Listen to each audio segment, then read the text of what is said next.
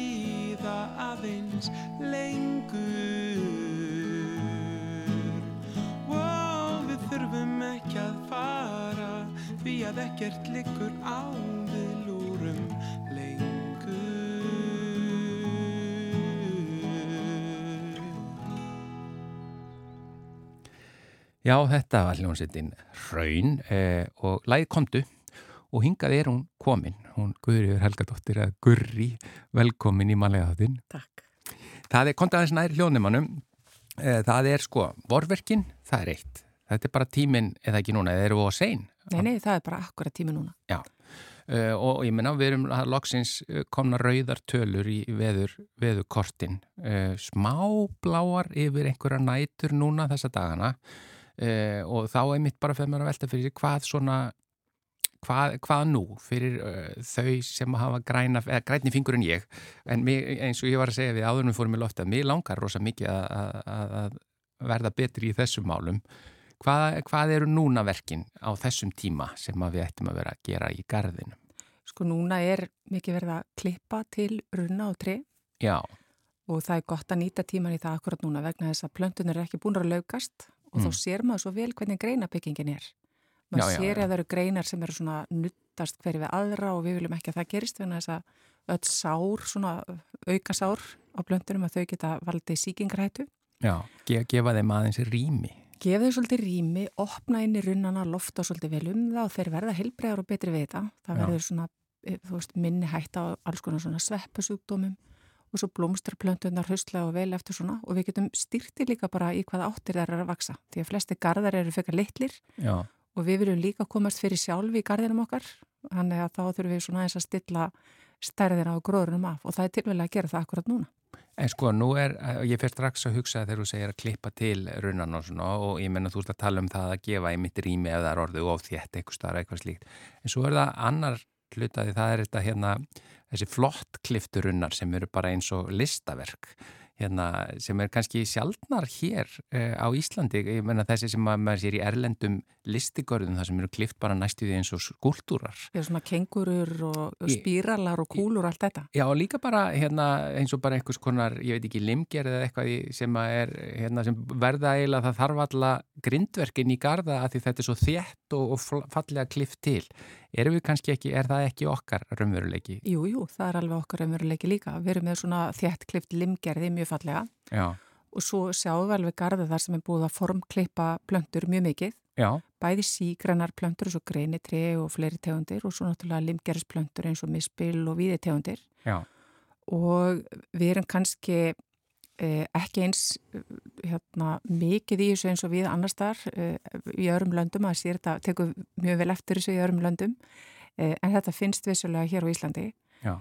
eh, aftur á móti sko klippingar eru einlega svona kannski tvennslags, annars verður þetta formklippa blöndur eins og við erum að tala um og þá getur þú klippt í spírala og kúlur og alls konar og klippt limgeri mjög þjætt og þá ertu raun að vera að klippa blöndunar til þess að það verði bladfallegur og þjættar og lókja af eitthvað rými eða, eða bladmassin sé fegurinn. Mm Síðan er klipping þar sem við erum að reyna að undistrykka blómgunin í blöndunum af því þegar við klippum svona í fast form þá fáum við ekki blómin. Þannig Já, að já. Það er plöntur sem við viljum klippa til þess að það er blómstri. Það eru oft plöntur sem eru marga hverja bl- vorblómstrandi þannig að það er að mynda blómbrumin árið áður. Þannig að ef við klippum þær í kúlu þá fáum við engin blóm árið þess að það sumar sem að klippingin á sér stað. Við erum búin að klippa blómbrumin í burtu. Já, já. Þessa runna grísjum við frekar. Þá tökum við frekar greinar innan úr runnanum og látum ystu greinaðar halda sér. Gagger til þess að fá blómgununa. Þannig að þetta er svona svolítið, maður er að vita hvaða tegundum maður er með í garðinum til áður maður fyrir að klippa. Því að ein klipping hendar ekki öllum. Ekki eins og bara nú erum við bæði hérna vel, vel hærð. Já, Erum ekki með sumu klippingu. aðeins var að þinnast það. Já, þú veist, er- það er hérna, maður, það er ekki einn svona ríkisklipping í, í trjám og runnum heldur. Nei, Við viljum bara að það fari eftir tegundinni, þannig að blómstrandi plöntur eins og sírenur og rósir og allir berjarunnar og ávastatri, þar grísju við, en aftur á móti svona limgerisplöntur og formklifta plöntur, þar klippum við utan að þeim til þess að, En er þær. sko að, að, að ætti bara nánast hver sem er að hætta sér í þetta sjálfur eh, eða er betra að fá fagmannisku í, í svona klippingar?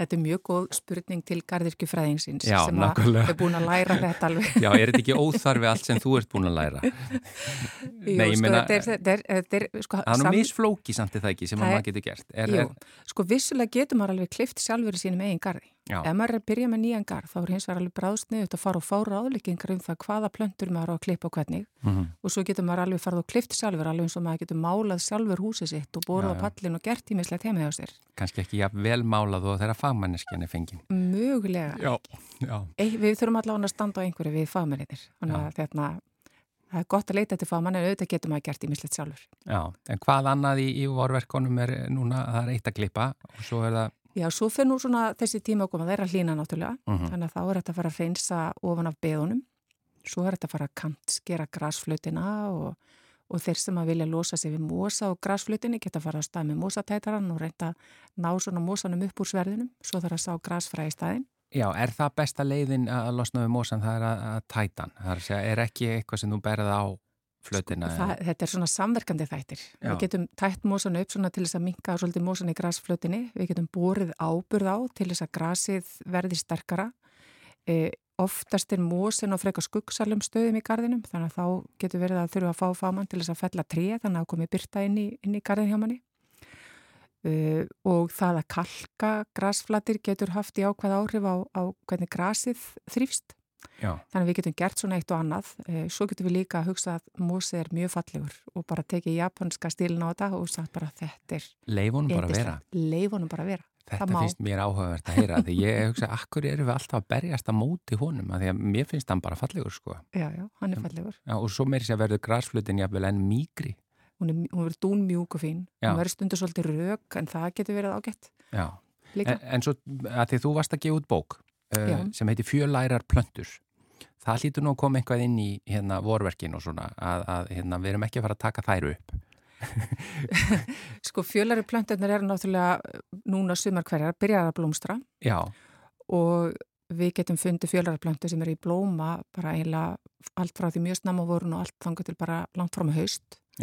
E, og umhyrðan á þessum plöntum akkurat núna, það verður þá helst að reynsa svona varlega í burtu, stöngla og sölnu löfblöð og svo leis og fyrir hargerari tegundir er það svo sem allt í lagi að gera það á þessum árstíma. En svo er alltaf einhver svona vari ámanni út af næturfrosti Mhm. að við höfum svo oft séð svona þegar kemur alveg fram í mæ, við fengið stundum svona leiðinda næturfrost já, að þá sko blöð og stönglar sem að liggja á plöntunum þetta hlýfið þeim aðeins fyrir kuldan Þannig að mögulega er, maður kannski, á maður kannski ekki að hreinsa fyrir en að maður er orðin svona nokkuð vissum að nætufrostis í búi. Sko, það er alveg bara ágætti sjónamið, sko. Suma plöntur eru svolítið fljótar að spretta staðvorin og sumir eru bara hargerar og það eru tegundir í blóma núna út í görðum Já, sem eru bara vanar þessu, þessu, hérna, þessum árstíma og til í hvað sem er.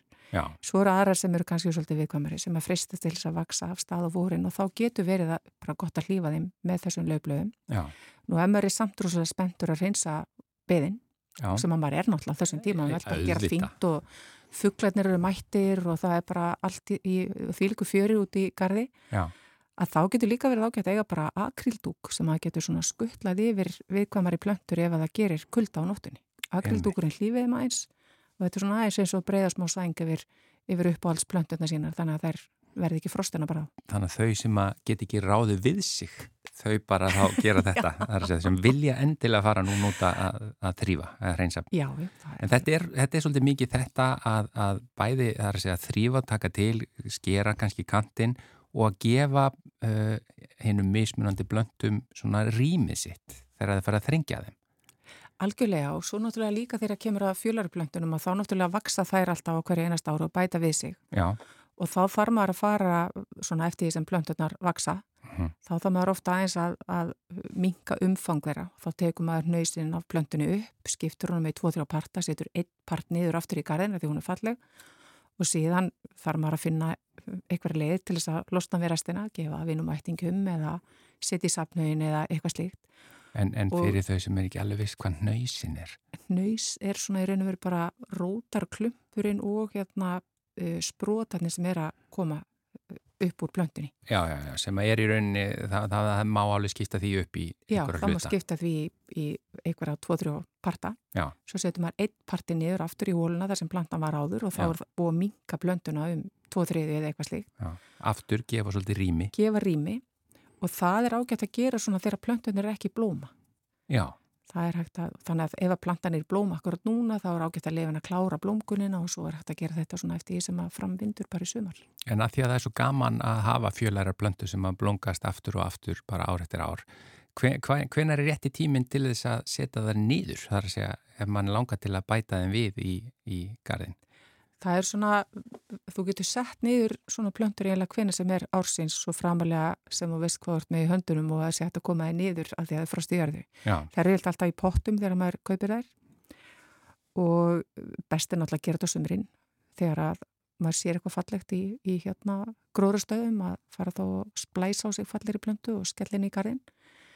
Þannig að það er í raun og verið kannski engin réttari tími heldur en annar til þess að koma svona plöntu niður. Bara hafa nóga þeim. Við, við bendum bara fólki á þessa bók, fjölærar blöndur, þannig að þetta kynna sér enn en betur. Uh, algengustu tegundinar af fjölærum, hvað eru þær? Já, þær eru margar. Það eru marga, já, já, þetta er allt. Það eru kannski svona, þú veist, í allt í allt að þá eru kannski svona 1500 til 2000 tegundur og yrki í bóði á hverja ári í Eða þú væri til að nefna bara 1500 kannski. Já, ég get bara kannski, teg bara fyrstu. Já, nei, nei, þú, bara því við bendum á bókina. En það er sumadagurum fyrsta morgun og Já. þá er opið hús. uh, Og hús í garðirkjuskólanum. Já, við hveragerði. Og hann hefur hveragerði, bara Já. fyrir ofan sundlegin í hveragerði og það sem hann hefur verið bara síðustu áratví. Já, Og, hérna, og þetta er svona eins og þjóðatíðardagur garðirkjunar. Það mæta allir þarna sem að hafa gaman að því að fagna sumrinu innan um gróður og plöntur og fá sér grænmeti og kaffi og vöflur og alls konar svona fyrir börni líka, alls konar mm aftreying. Og þetta er bara gamall siður sem að við höldum mjög fast í. já. Og hvað er þetta jafnvel að versla sér eitthvað inn þar? Já, sko nemyndur eru, að, að, eru í fjáröflunarskyni að halda þetta opna hús. Þannig Já. að þau eru að selja nýbakar vöflur og kaffi og þau eru með markastorg þar sem er hægt að fá íslensk græmiti. Það er líka hægt að fá jarðabæraplöntur. Þær Ah. hafa alveg runnið út eins og heitar lumur eða eins og ferskar jarðabæraplöntur. Já, Síðan eru þau líka með hlutaveldu og svo er andlitsmálum fyrir börnin og svo er einhverju hestar þannig að krakkar geta að fara á hestbak og teimt undir. Skóarkaffi hvenar byrjar á og morgun? þetta byrja klukkan tíu Já. og er opið til klukkan fimm. Já. Þannig að þetta er alveg tilvalið að fá sér smá bíltur í hveragerði og fagnar Ga- sumrinu. Garðirkiskólin við hveragerði. Guðriður Helgadóttir, þakka að kella fyrir að koma. Við erum svona aðeins nær en það bara bendum við aftur á bókina Fjölærar plöntur. Það er þetta að kynna sér enn betur. Takk innilega fyrir komuna. Takk.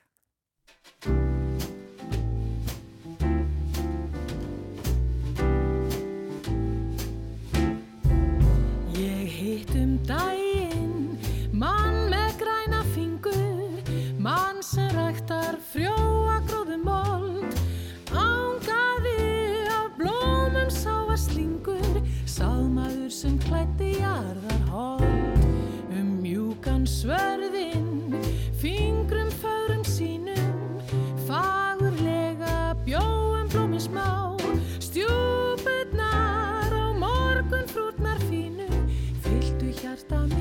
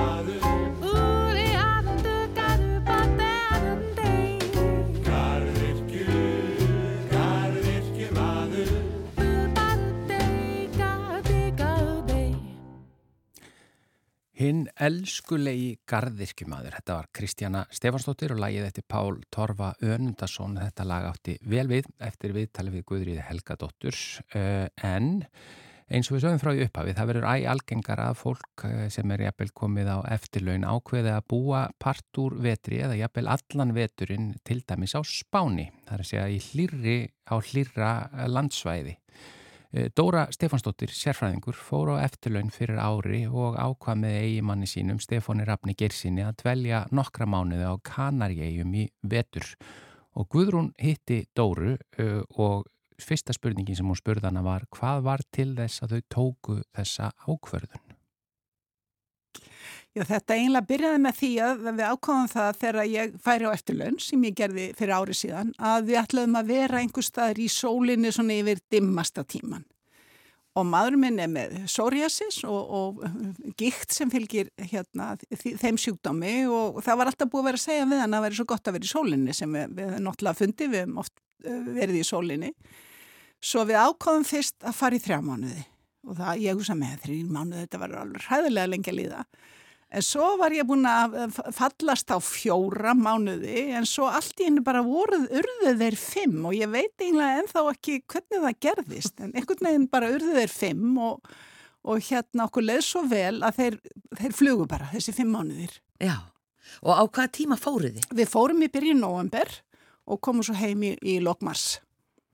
Þannig að þið sluppuð við mesta myrkrið. Við var við kannski mesta pælingin. myrkrið og ég sko með svona á síman svona, að það fæ alltaf veðuviðverðin frá veðustofunni og maður var að fá kannski þrjár og fjórar viðverðinir á dag og ég hugsa alltaf með mér, óh, ég slepp við þetta. En mér fannst það samt aðalatrið að sleppa við myrkrið. Já.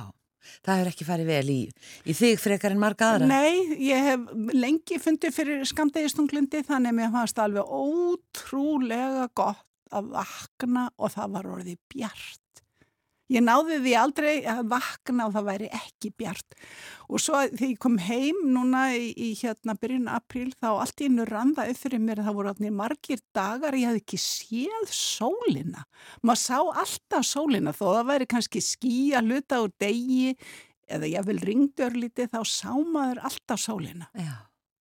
Hvernig liður svona dagarnir ykkar? Hvað, eh, hvernig byrjaði þetta og, og hvar bygguði? Já, sko, við, við fundum íbúð bara hreinlega á netinu. Ég hafði samband við mann sem að býr í sama fjölbýlishúsi og ég og þau hjónin hefðu búið hérna á Kanaríum árið áður og ég spurði bara hvernig funduðu íbúð? Byrjuðum þar. Og hann benti mér á vef, það er spænskir fastegnasalar eru með vef, það sem er auglýstar íbúði til leigu. Og við fórum inn í hann á vef og settum inn hvar við vildum vera og svona cirka tíma.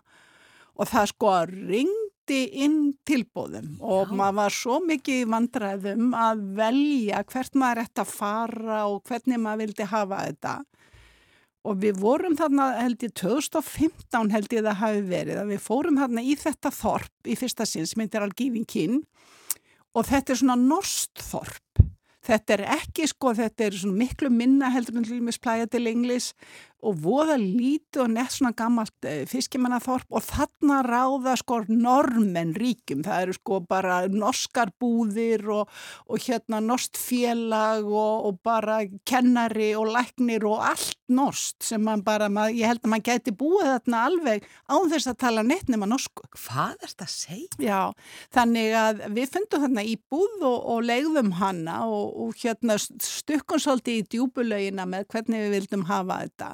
En það reyndist okkur alveg rosalega vel. Við legðum hjá spænskum uh, hjónum sem eiga þarna þessa íbúð og, og hérna þau voru svo indæl og elskuleg og það var svona eins og er voða víða. Það er svona pallur og sundlög í miðjunni og svo er svona smá íbúðir í kringum hennan eh, pall og við kynntum svo mikið þessum normönu sem þar byggu sérstaklega hjónum frá Norðunóri sem voru svo indisleg og þau hjálpuð okkur svo mikið sko þegar vorum að spyrja hvar, hvar finnum maður þetta og hvar finnum maður hitt og svo döttum við alveg inn í þetta norska samfélag. Já. Ég til dæmis svo kon í norskan prjónaklúb og það voru þarna gönguhópar og, og þeir voru að fara saman á veitingahús og svona og svo hef ég, ég hef alltaf stund að jóka og einn daginn þegar vorum að lappa frá hjá, að lappa mér frá ströndinu, það voru þarna jókahópur æfa sig og ég lindi ekki láta hann fyrir ég búin að finna hann að jókahóp og kom inn í hann og, og, og svona og svo náttúrulega reyndum við að gera voða mikið sjálf. Við leiðum okkur bíl, tvisvar og fórum mikið um eina og, og svo fórum við, sko við fórum til Marokko og vorum þar í viku með spænskri ferðarskristofu Já.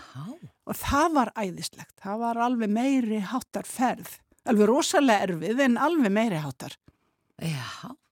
Þannig að þið bara í rauninni eh, voruð bara í norsku þorpi, bara í Já. norsku samfélagi. Já, í raun og veru sko.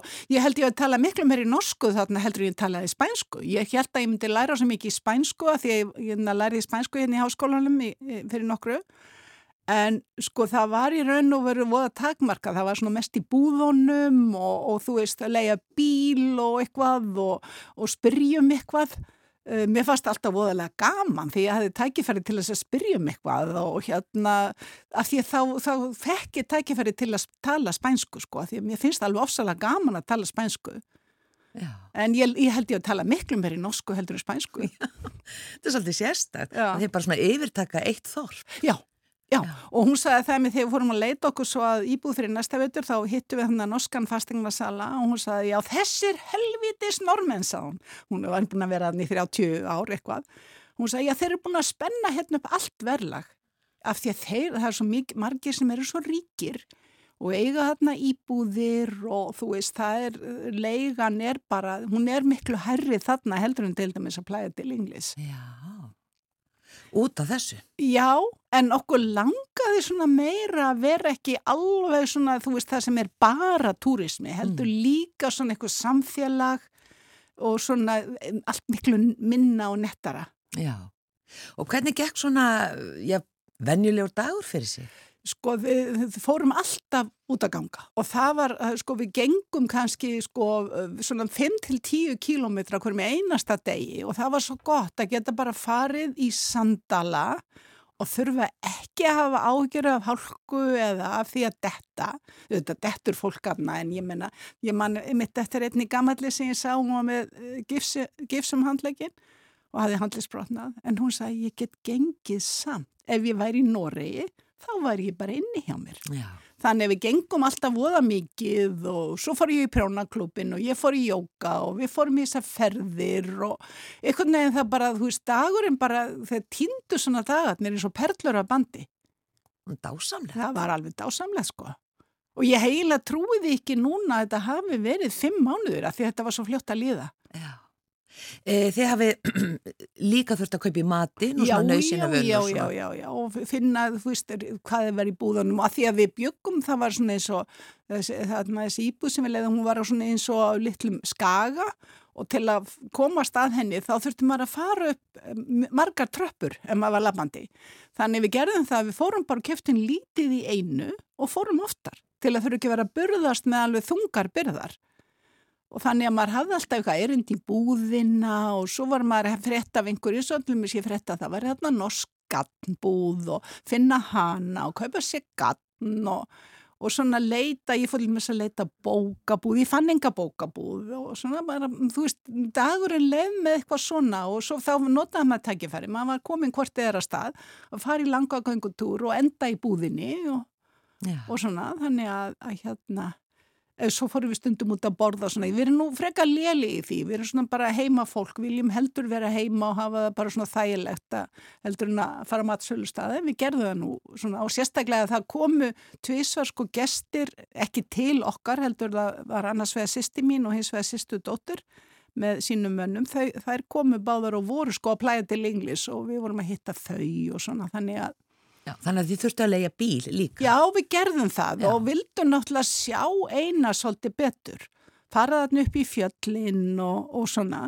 Ég verður reyndar að játa, ég er svo loftrætt sko að það svona fór oft svolítið um mig en, en hérna ég let mig hafa það því að það var þess virði. Þetta er nefnilega, sko hún er svo drjúð þessi eiga, hún er svo pínu lítil en það er svo margt að sjá þarna. Öll þessi litlu þorp, þau eru svona einhvern veginn hvert með sínum móti og, og sum, sko, það sem er bara velstæð þorp, þetta er svo falleg. Og svo sér maður hvar fó- fólk sem er ekki á mikla peninga hvar það býr. Já. Hvar býr það? Það býr voða mikið í einhverju svona smá þorpum þar sem er, sko, maður sá það bara hvað það var svona lítið um að vera þar. Þannig að, en, og til dæmis fólki sem að var að þjónust alla ferðamennina í kringum okkur, það, það býr að hluta til í Ergirikín, en það býr líka fyrir utan það sem er ódýrara. Mm. Og það eru ótrúlega góðar almenningssamgöngur. Þannig að maður sá alltaf að, að það voru sko algjörlega kúfullir strætisvagnar í svona lókdags að fólk var að fara heim úr vinnunni. Já. En þetta hefur nú, já, örglega ekki verið lítið, já, hvað ég segja, hýr, hýrum augum, eða hvernig, hvernig líta spánverjar á það að svona svo normin eru bara búin að kaupa upp heilt þorp og allt er orðið Sko, dýrara. þeir, vita, þeir vita hver smir brauðið þeirra. Þannig að þeir, sko, það er svo mikil þjónustu lönd og þeir vilja allt fyrir mann gera. Og ég tala nú ekki um ef maður talar meir en þrjú orð á spænsku. Þú veist, þeir eru að hlaupa til og það er svo fyndið í búðum. Þú getur beðið um hjálp í búðum, það er starfsfólk í búðum, það er starfsfólk á kassa, það er ekki sjálfsagreisla. Það eru alls konar svona litla búðir eins og við þurftum að fara í játvörubúð eh, nokkru sinnum og, og til dæmis það hafði dottið löm af, eða svona, hvað heitir það, halda af skáp og við vorum að kaupa skrúfu og, og hérna skinnu og, og hérna eh, við þurftum að láta snitta þessa skrúfu og það kostaði ekki neitt og þeir eru svo þægilegir og í apotekunum til dæmis að bara þú veist að kaupa eitthvað það er alveg sama hvað það er, maður bara spyr og þeir segja já já það kostar þetta og ef þú ferð og fær livseðil þá kostar það hitt og allir svo þægilegir og vilja svo mikið fyrir mann gera. Já. Það skiptir máli. Það skiptir alveg rosalegu máli af því að þetta er náttúrulega og ég skil ekki hvernig þessar eiga lifðu af sko COVID því að það var náttúrulega öllu loka Já. og þeir sögðu það, það var til með einn kona sem að klifta mér hárið hún sagði þetta var alveg skelvileg sá hún, að, að þeim var bara gert að loka og fengu enga svona styrki eins og hér og þurftu samt að borga leigu og svona, hún sagði það bara, hún var komið með kirkingaólina alveg upp að hálsi og hann sagði það líka leigusalinn okkar. Hann sagði ég þurfti auðvitað að borga af íbúðinni en ég fekk enga tekjur út á hana. Já, hérna. Þannig að þeir fengu enga mót var, eh, styrki. já, ég veit ekki að eitthvað, eitthvað var það en það var greinlega miklu minna heldur en hér. Já. Þannig að, en þeir lifðu þetta ótrúlega mikið af, þannig að það var, og það var alltaf opna núna sko þegar við vorum þarna. Það var að opna búðir aftur og alls konar þjónustu og, og svona. Mm. Þannig að það var greinlega hugur í fólki að, að hérna ná, sko, að koma fótunum undir þetta aftur. Já. Uh, ég þarf nú valla að spyrja, en mikill vermunur á matvöru? Alveg, það er sko, það, ég reynir bara núna, ég fer og kaupi það sem ég þarf að kaupa og reyna að horfa ekki á hvað ég er að borga. Það er færi alveg áfall sko. Og ma, sko eins og matvara, það er náttúrulega spánverjar nýður greiða mat til kannaríu. Þeir eru að reyna að halda þessum eigum í byggðu þannig að það er allt mögulegt niðugreitt Mm. og ég held að sé bara hreinlega að þú veist, læri virðisöka skattur Já, já. Þannig að því ég hef verið tölvert á meilandi spánar og það er tölvert ódýrari maturinn á Kanaríum heldur en á meilandi spánar.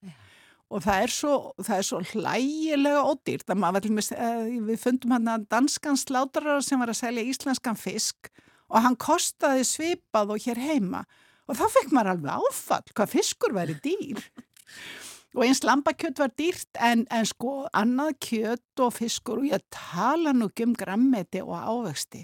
Og það var til mis einhvern tíman þegar ég var réttar hún kom heim, það var svo mikið verið að ræða um verð hér á papriku og ég stilti mig alveg um það að fara að taka myndir af paprikustandunum bara til þess að sína verð, verði þar, sko. Það var svo ótrúlega ódýrt. já. Markvallt ódýrara. Já, já, þetta kostaði bara brot sko af því sem það kostar hér sko þannig að það maður bara óð í uh, grammeti og ávustum.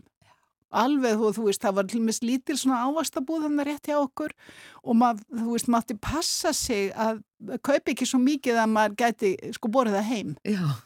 Að því að var til mis svo stórar melónur, hvað þetta var æðislegt sko. Já. Þannig að þetta var alveg Þetta er alveg ótrúlega mikill munur. Ég hefði eiginlega ekki trúa því að þó ég hafi þetta verið á, á kannaríum áður. Mm. Að þú veist svona þetta daglega líf, hvað það er miklu ódýrara. Já, ekki spurning. Uh, þið fóru til Marokko, sagður Já. Í eina viku. Já. Með, hvað var ekki spænskri Jú, ferðarskristofu? jú, jú, Já. já. Af hverju var svo ferð erfið? Þetta var bara svo mikil, mikil keisla. Þetta var ringferð um Marokko á einni viku og sko Marokko er fjórusinu starri í Ísland. Þannig að þú veist þetta var bara keirt og keirt og keirt og keirt og svo var náttúrulega farið ótrúlega víða sko og, og hérna en þetta var þú veist, það voru, sko ég man eftir þess fyrsta daginn við áttum að vera mætnir í hótellöpi rétt fyrir sjö og hann var nú eitthvað aðeins sett bílstjórun en við vorum komin í náttstað klokkan hálf tíu um kvöldið sko. Og búin að sita, vorum vorum búin að stoppa á þremmu stöðum en, en, og, og einstöðu var að vera að keiri gegnum allasfjöllin að veginni voru sko að vera að laga vegina og eru mjög lélegir á, Já. á köfla. Þannig að þetta var mjög erfitt en það var svo margt að sjá og bara, þú veist, þetta var bara, þú veist, þetta var svo, við höfum farið til Egiptalands áður En, en sko þetta var samt, þetta var allt öðruvísin Egiptaland og, og það er greinilega svo mikill hugur í Marakobúum en þar er sko þurrkur allt að drepa.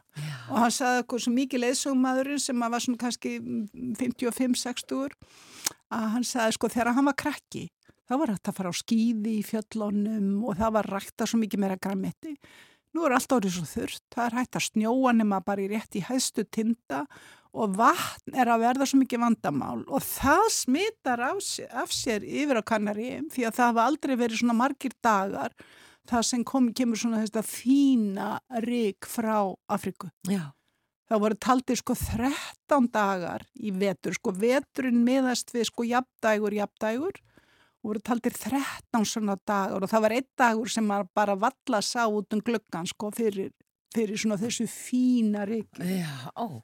Og þið hafa náttúrulega lendið því og hvernig, hvernig virkar það? Smígur það undir? Það smígur allstaðar, já, um og, allt? og, og nein, límist eh, fast allstaðar og það, ég menn, sko, þegar svo, því lindi þá fór allir að þvó allt, sko, þau ertu bara að þvó utan hús og alla stjettar og allt, sko, e, og, og það eru margi, sko, sem eru viðkvæmur í lungum finna fyrir þessu og þá var bara fólk hreinlega með grímur eða fór út. Já, En ég fann ekkert fyrir þessu, ég, sko, að því að ég hef fundið fyrir því áður ég bjóða á grænhöðaegjum á tímanbili og þá kom stundum þetta fína rík e, þangað yfir og ég hafði svo mikið ánæmi fyrir því og ég nerraði og nerraði og nerraði en ég fann ekkert fyrir því á, á kannaríum, það var bara eins og það væri eitthvað öðruvísi. já. En, já, Dóra, ætliði aftur út? Já, við ætlum að fara aftur í haust, við erum búin að leia íbúð frá haustinu en þannig við förum aftur í haust, við erum ekki búin að köpa miða en, en svona við förum að huga því, þannig við ætlum að vera, og þá erum við búin að leia íbúð í hálft ár, þannig að, Já, í sama þorpinu. Já, í sama þorpinu en ekki á sama stað, við erum búin að leia minni og ódýrar íbúð, við sáum að þessi sem við vorum með, hún var óþarlega dýr og óþarlega stór og, og til dæmis eins og þetta með sundlög, ég menna, ég notaði hann held í eins og neða tvisar og maðurinn minn aldrei.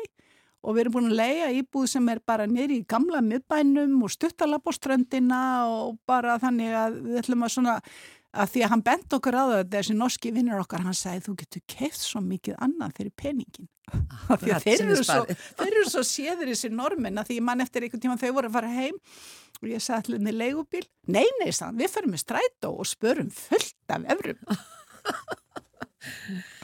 E, já, af hverju, að því ég heyri að þið, þú varst á Grænhöfða eigum og svo sagður með hann að þú hefði unnið Afríku og Já. í Gríklandi og þú ert titlu sérfræðingur. Uh, hvað varst að gera í þessum löndum? Sko, ég fór uppalega á vegum þróuna saminustofnunum til Afríku uh, og ég sérst að leiti fyrsta verkefnið í Namibíu sem að þróuna saminustofnunum fór inn í og, og þetta var í, í fiskirjarsóknum.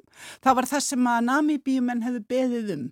Það var semst allir vildu fara til það, um það leiti sem að landi var að vera sjálfstætt og það hefðu komið einhver, einhver beðni, kom hingað eftir einhvern formlegum leiðum að Íslendingar aðstóðu við það. Og ég var þá að ljúka námi í alþjóða þróunafræði og var beðin að fara og koma þessu verkefni á, á, á lakirnar sem ég á gerði og vann við það svo, ég, ég var aðna í fjögur ár Og svo hérna þegar ég fór þaðan þá fór ég til Grænhöfðæja og var þar í eldrúmt ári eða all, allt í allt. Ég var í, á, á Grænhöfðæjum í, í þremur lótum og ég held að hafi svo náð um það byl ári.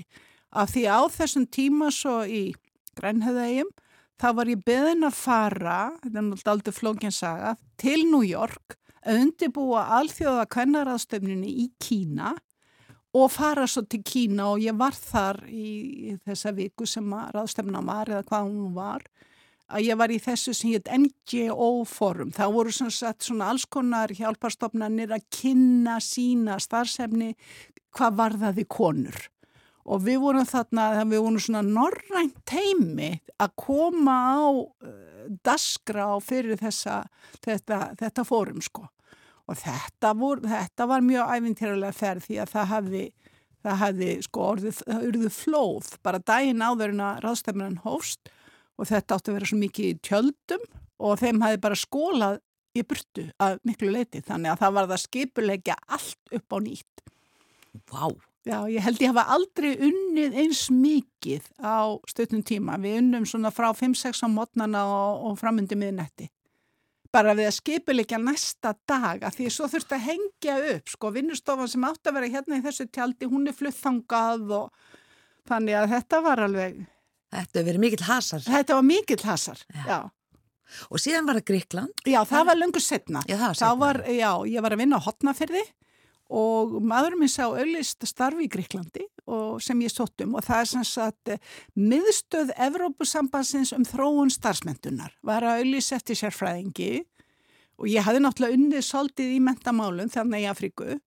Þannig ég ákvaða hendin um svo og fekk það starf og var þar í fjögur ár í Þessalóniku og hérna var þá að vinna við að við vorum að taka saman upplýsingar um starfsmentamál í þessum löndum sem að stóðu að þessari stofnun.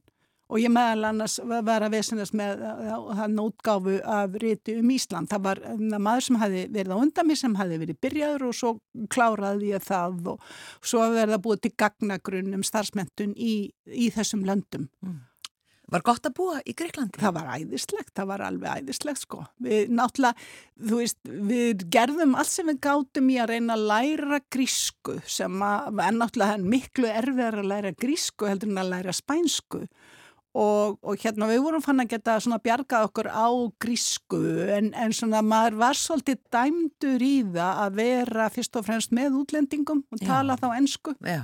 Ég vann náttúrulega með útlendingum og, og það verður þannig ef maður býr svona mm, stuttan tíma erlendis að maður fer ósverðrátt að vera meira með öðrum útlendingum heldur en heimamennum. Já, einmitt. Þetta gerist nú eiginlega allstaðar. Já, það eru þessi giftast inn í samfélög eða kvænast sem, að hitta heimamenn meira. Já.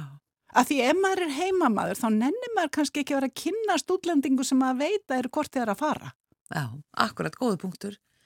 En þú ert nú greinlega búin að koma víða við. Já, já, já. Þú er gætlega að skrifa bara bókum um, já, öll þessi ferðalög og... Nei, sko, ég, ég held að ég myndi kannski því ég færi á eftirlaun fara að skrifa eitthvað en svo, ég er allavega ekki byrjuð ennþá en að því ég líka sko, ég veit að það myndi, maður myndi vilja sko nota svo mikið myndir og ég hugsa með mér sko, myndir, hvar fyndi ég myndir sko, því að þetta er náttúrulega árið svo langt síðan og, og þetta er svona mikið, þetta er svo mikið horfið einhvern veginn út úr lífi mínu. Já. Kæra þakki fyrir spjallið, Dóra Stefansdóttir, sérfræðingur. Já, takk fyrir.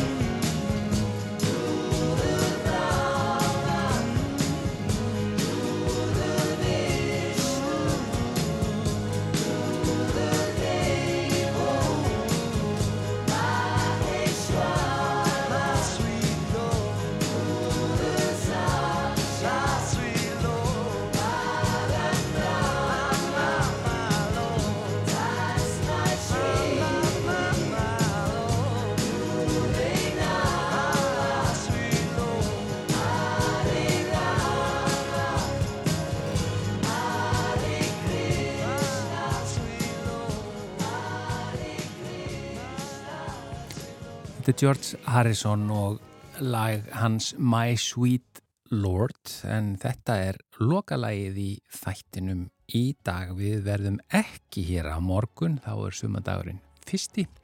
Aftur á móti verður mannlegi þátturinn aftur í loftinu á förstu daginn. Förstasgesturinn er Haldur Baldursson, teiknari og eh, svo verður auðvitað matarspjall en við þökkum innilega fyrir samfélgin í dag. Verið sæl.